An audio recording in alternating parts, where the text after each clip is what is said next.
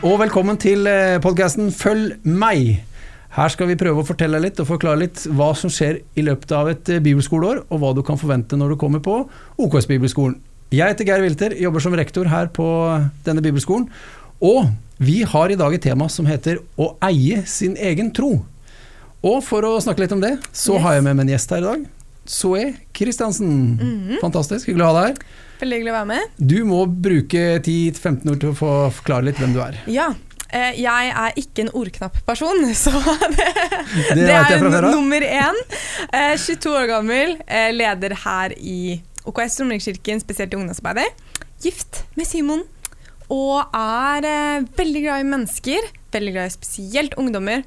Og jobber også som evangelist og leder for en ungdomsorganisasjon i Troens Bevis. Oi, det er rått. Og er student på HLT. Så jeg har mange titler, så er det bare å velge å vrake. Ja, vi får se hvem vi lander på i løpet av dagen. Nei, men Temaet i dag heter jo det å eie sin egen tro. Det er jo en setning som jeg syns du bør forklare litt uh, hva du legger i den først. Ja. ja. Jeg opplever at det er ikke alle som har en eh, bevissthet rundt sin egen tro. Eller at man har en tro som egentlig tilhører fellesskapet eller familien eller venner. Eh, og dette her kan være mennesker som eh, er godt frelste og halleluja-mennesker og Hellige Ånd og hele pakka, men likevel ikke veit hvorfor de tror på akkurat det de gjør, eller hvorfor de gjør akkurat sånn som de gjør i kirka eller med Gud. Og man bare gjør det fordi 'Å, sånn har jeg alltid gjort det'. Og at det er en liten refleksjon rundt disse tingene. Så for meg så har det vært viktig å hjelpe mennesker til å på en måte eie sin egen tro. Bli, forstå mer om hvorfor de gjør som de gjør, hvorfor de tror på det de tror på. Eh, sånn at de kan stå stødigere og bli enda tryggere med Gud og i troen og som kristne mennesker. Så det her reiser du rundt og snakker om av og til? Av og til så gjør jeg det. Ja. Mm. Da er det fordi det har hatt en betydning for deg og ditt liv, kanskje? Eh, absolutt, det har det. Eh, jeg har eh, egentlig et lite prinsipp i forhold til at jeg ønsker ikke å dele eller forsyne om noe jeg ikke selv har opplevd og virkelig erfart i mitt eget liv, og opplevd at Gud også har gitt meg. Eh, for jeg tror det er utrolig mye man kan preke om, men for meg så har det vært viktig å bruke livet mitt som et vitnesbyrd. Og jeg har gått en prosess i forhold til å eie min egen tro, fordi jeg selv har vokst opp som ungdom og egentlig ikke hatt en eh, reflektert tilnærming til min egen tro.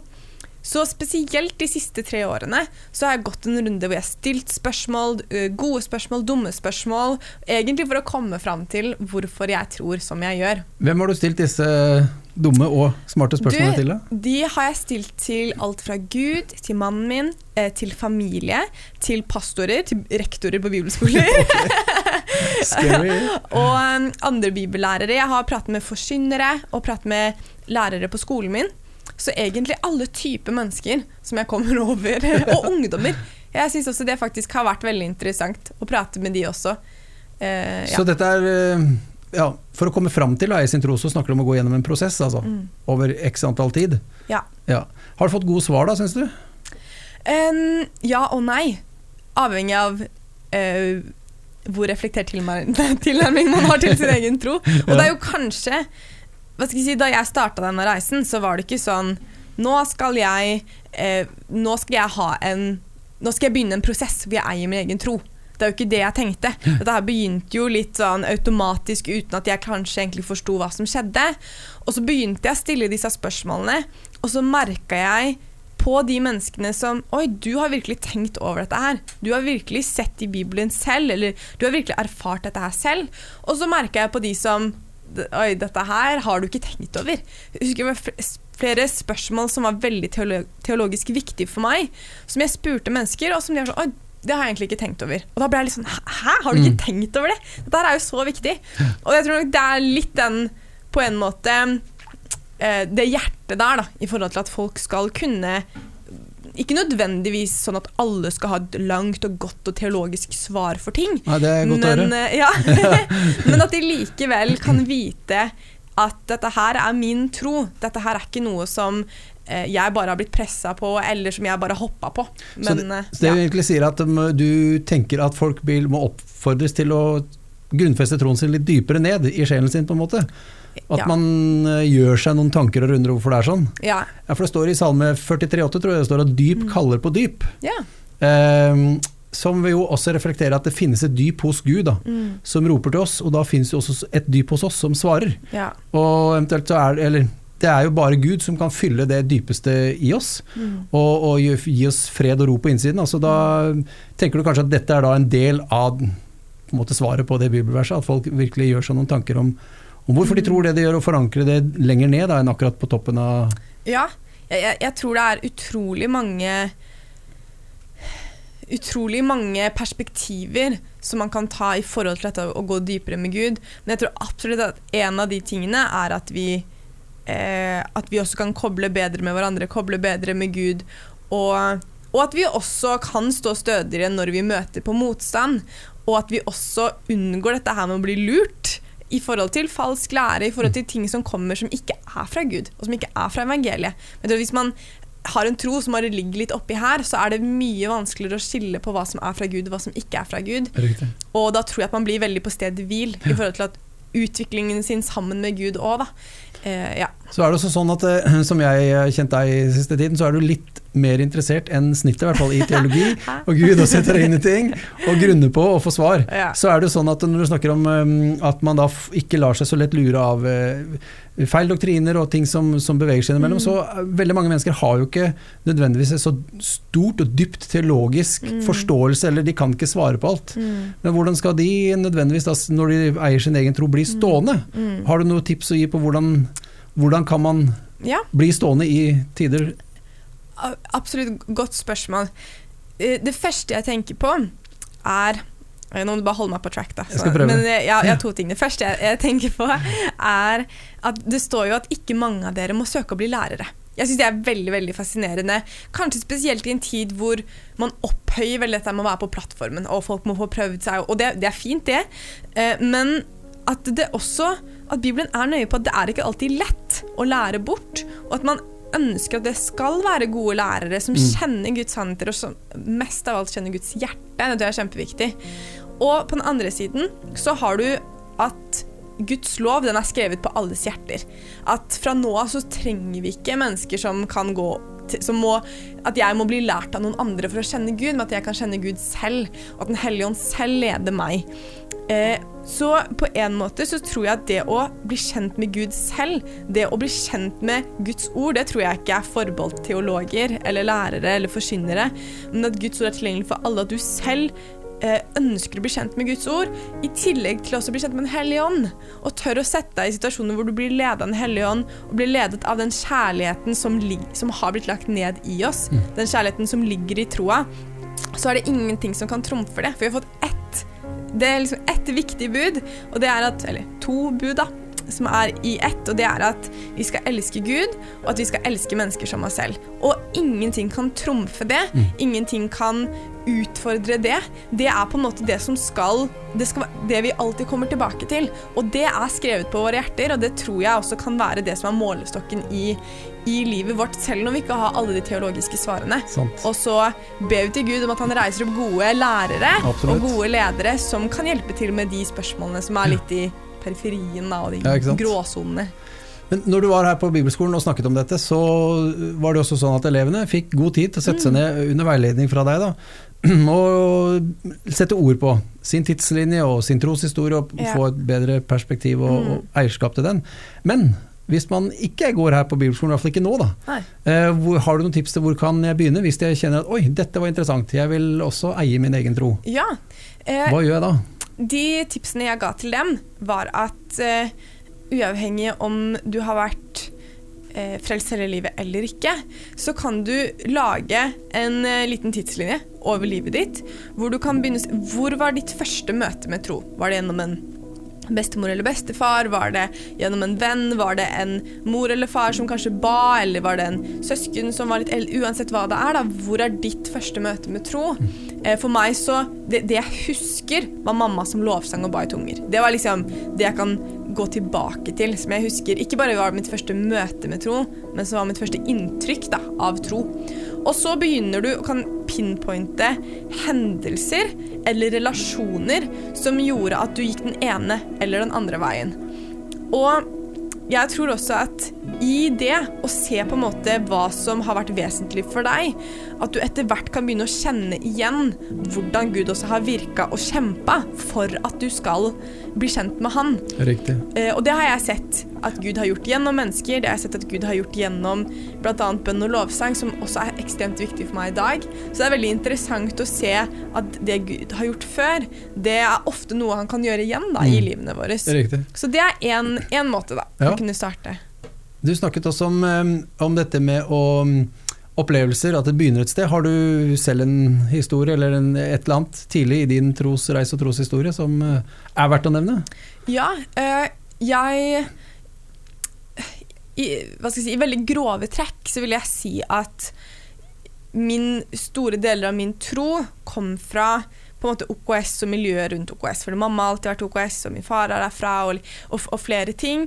Um, men det som blei viktig for meg, var også å ha å få litt elementer fra andre steder også.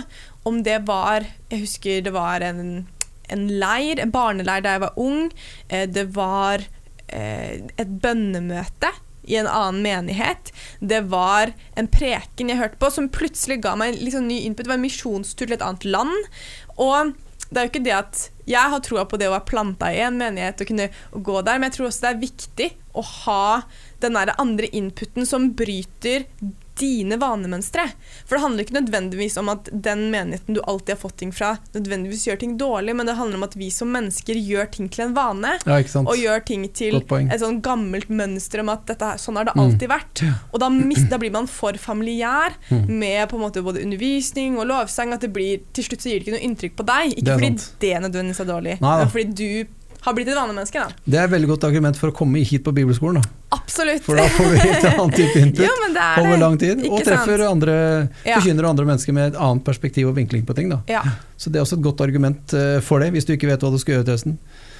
Men, eh, men eh, finnes det f.eks. en metodikk jeg kan følge? Skal man bare være nysgjerrig på dette, eller ja, hvordan på en måte holder jeg motivasjonen oppe for å finne ut min troshistorie hvis jeg Mm. lever i en liten bygd på Vestlandet Ja. eller et eller annet sted i Nord-Norge og ikke har tilgang på alt dette? Ikke sant? Hvordan opprettholder jeg farten? Ja. Eh, en ting som alltid får meg tilbake til midten, det er å koble på Guds hjerte og Guds kjærlighet. Og det tok en runde på i dag også, i forhold til å spørre Gud om hva han drømmer om, og hva han lengter etter. Og det som jeg håper og tror bør ligge på alle kristnes hjerte, er jo å se flere mennesker frelst. Absolutt. Og det gjør vi på mange forskjellige måter. Mm. Eh, i noen, noen får eh, den muligheten til å kunne eh, nå flere mennesker med evangeliet, mens noen har kanskje de, den familien eller de menneskene på jobben. Og uansett hvor man er, så tror jeg det å koble seg på Guds hjerte igjen og igjen og igjen og igjen, gjør at man vil det å ha en lengsel etter å bli bedre kjent med Gud, gjør at man også blir bedre kjent med seg selv. Mm. Jeg har ikke hatt et sånt ønske de siste fem-seks årene å, hvem er jeg, liksom? Og at jeg skal bli så godt kjent med meg selv. Men ved at jeg blir kjent med Gud, gjør jo at jeg blir kjent med meg selv fordi Gud har lagt seg selv ned i meg. Mm. Så da er det jo en del av meg som egentlig er hele meg nå, fordi jeg er en ny skapning, jeg er et nytt Veldig menneske.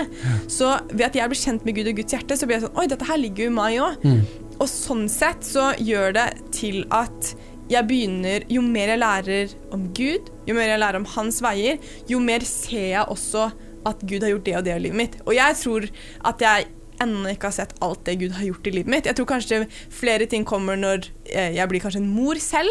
At da ser jeg mer hva som skjedde da jeg var et barn. Og at man kommer i forskjellige sesonger, Mm. gjør at man får større lys da, over det som har skjedd også. Så at man også er litt tålmodig. em, og tenke på at det viktigste er at man vandrer tett med Gud Absolutt. og er tett på hans sitt hjerte. Ja. ja. Samtidig så er dette en overskrift på et eh, tema som det har. Mm. Men, eh, altså eie sin egen tro. Men det er jo ikke nødvendigvis en bibelsk setning. Jeg finner ikke det noe sted i, i Bibelen. Verken Jesus eller Paulus eller Johannes eller Peter snakker jo Nei. noe særlig om dette. Eh, Men hvor fant du den? Eller, er en ny ja. oversettelse. Det er sånn. det, ja. Zoe-oversettelsen. Ja, interessant. Jeg skal lese den seinere. Um, nei, det som jeg syns er fantastisk med Bibelen, er at eh, Bibelen ble ikke lagd for at vi skulle få et nytt språk eller for at vi Gud så at mennesker om 2000 år har ikke et godt nok vokabular, så derfor de, må de fortsette å bruke det språket jeg gir dem. ikke sant? Men at det er prinsipper og konsepter og elementer i Guds ord som han vil at vi skal få tak på. Og så, må, så er det vår jobb sammen med Den hellige ånd å gjøre dette her relevant og forståelig for menneskene i vår tid. Absolutt. Og det som jeg også ser, er at, det, at Bibelen prater om konsekvensene av å eie sin egen tro. Det at man blir bedre kjent med kallet sitt, man blir bedre kjent med gavene sine. Eh, man står stødigere i møte med både forfølgelse og falsk lære osv. Og, og når vi som kirke i dag prater om de tingene, så tror jeg man kan miste de menneskene som ikke har en reflektert tilnærming til sin egen tro. Ja.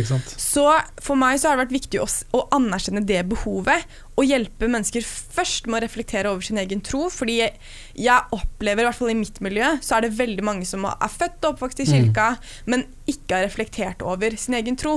Og dette her kan være mennesker som er 50 år og har vært i eh, tjeneste kjempelenge. Men likevel egentlig ikke har reflektert ordentlig og tenkt over hvorfor man er der hvor man er. Eh, og da blir det også vanskelig å ta skritt videre, Ja, fordi man bare går i dette vanemønsteret. Og Samtidig så snakker Paulus om at vi konstant og hele tiden skal være klare til å forsvare evangeliet, forsvare troen vår. Så da er jo det også mye lettere i, Ja. i det du eier. Du har tenkt Mm. gjennom, du vet eh, hva som bor i deg, og du Ja. vet hva det er du bryr deg om, Ja, enn at du skal lære deg en del setninger som skal pugge utenat. det, det, det blir veldig vanskelig. Ja. Og at vi, vi er kalt til å være vitner. Vi er ikke kalt til å være Alle er ikke kalt til å være teologer eller lærere eller forsynere, men vi er kalt til å være vitner. Og hva er det vi skal vitne om? Jo, det vi har opplevd med Sant. Gud og livet vårt. Og hvis du da ikke har reflektert over det, og egentlig vet hva Gud har gjort i livet ditt, Mm. så er det jo vanskelig å være et vitne òg. Det det. Og jeg tror også det er derfor det er veldig vanskelig for mennesker å gå ut og fortelle om Jesus, fordi de tenker at de ikke har noe å fortelle.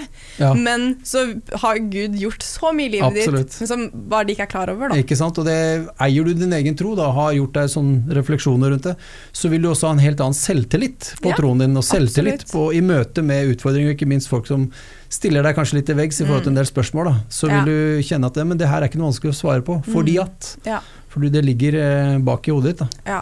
Så tusen takk for det, Soe. Takk for at du kom hit og var eh, gjest her i vår lille podkast. Bare hyggelig. Og takk til dere lytterne som var og hørte på, og dere som eventuelt så på oss på YouTube. Og så håper jeg vi ses i neste episode.